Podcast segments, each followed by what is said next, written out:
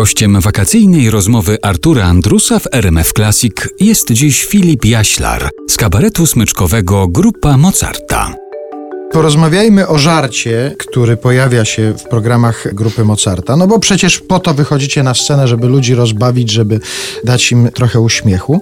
Ty jesteś genetycznie przygotowany do żartu, no bo tata, mhm. jeden z twórców kabaretu tej, przez całe lata wychodził na scenę po to, żeby publiczność też bawić, a właśnie nie było takiego momentu, kiedy ty sobie pomyślałeś, o nie, tata całe życie rozśmieszał, to ja przynajmniej będę starał się, żeby ludzie sobie popłakali na moich występach albo się wzruszyli.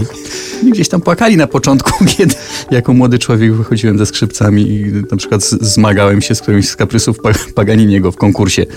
To jest tak, że ja bardzo szybko yy, nawet nie tyle odkryłem, co po prostu zacząłem się tym zajmować w szkole. To, co mi się najbardziej podobało schodzenia do szkoły, to rozśmieszanie klasy. Przepraszałem już wielokrotnie nauczycieli, ale rzeczywiście ilość nagan w dzienniczku Filip rozśmiesza klasę. Im więcej było tych nagan, tym mój sukces był większy i wiedziałem, że lubiłem to bardzo. Przepraszam, ja się zapytam, wrócę do pierwszej rozmowy, jaka się tu w tym wakacyjnym cyklu odbyła z Joanną Kołaczkowską. Ona opowiadała, że ona tak rozśmieszała, że malowała sobie jeden ząb na, na czarno. czarno. Czy mhm. miałeś ten sam wysublimowany typ poczucia humoru wtedy? Nie, no, mnie na przykład bawiło to, jak pani zostawiła napisany na tablicy wyraz krzak, bo pewnie braliśmy to, że po BPD TGKHU2 piszemy RZ i był wyraz krzak i pani wychodziła do drugiej klasy, bo już nie pamiętam dlaczego. I wtedy ja zmieniałem małą literę K na wielką literę K i cały wyraz krzak brałem w cudzysłów, bo to była nazwa fantastycznego zespołu rockowego. I mhm. klasa ha, ha, ha, pani przychodziła, mazała, zmazywała. I tak żeśmy się bawili, nie wiem, przez 45 minut kilka razy. To świetna zabawa, strasznie to było śmieszne. Ale Jakbyście na... jeszcze czarne zęby sobie namalowali, to już w ogóle byłaby histeria. Absolutna, tak jest.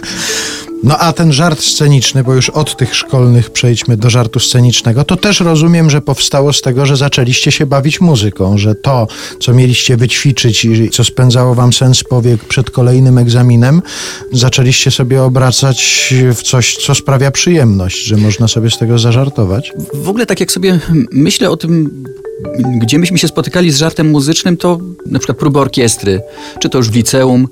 Nie było takiej próby, która by się nie rozpoczęła od tego, że kolega rozgrywając się fagocista zagrałby fragment melodii Koziołka Matołka. Trębacz konia robił tak... Tych żartów było mnóstwo. E, na puzonie syrenkę na przykład też e, dwusów. Myśmy w takiej krotochwilnej atmosferze dorastali. I potem był kurs muzyczny w Łańcucie, na którym zaprzyjaźniliśmy się z Michałem. Każdy miał zajęcia indywidualne, ale też graliśmy w kwartetach smyczkowych. No i myśmy takim kwartetem właśnie z Michałem, e, jeszcze z dwoma kolegami też założyliśmy taki dwutygodniowy wakacyjny kwartet smyczkowy i graliśmy wtedy Szostakowicza, kwartet smyczkowy poświęcony ofiarom II wojny światowej. Mało zabawna, piękny, przejmujący utwór, ale przygotowaliśmy sobie bis. I ten bis to była muzyka właśnie Mozarta na nutę góralską. Ja nie wiem, jak, co ci biedni ludzie pomyśleli po takim Szostakowiczu. Hej, na gęślisko grywam od ucha do ucha, pikną mam dziewczynę, skodać dać ze głucha. Ten wierszyk powstał wtedy, wykorzystujemy go do dziś.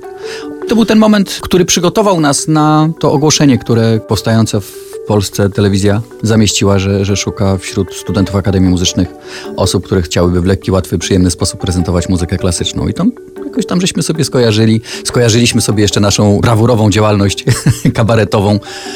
Byliśmy kabaretem na studniówce. P, bo Paweł Kowaluk, A, Artur Renion i F, ja, Filip, kabaret PAW. Chyba to było po studniówce, bo na studniówce nam świetnie poszło i poczuliśmy, że potrzebę założenia takiego kabaretu chyba do premiery nie doszło. Piosenki, wiersze, takie, które miały powiedzieć naszym nauczycielom, że uczenie się to jest carpe diem, że szkoda dnia, że najlepiej się jednak zająć czymś innym. Byliśmy młodzi, o coś nam w życiu chodziło po prostu.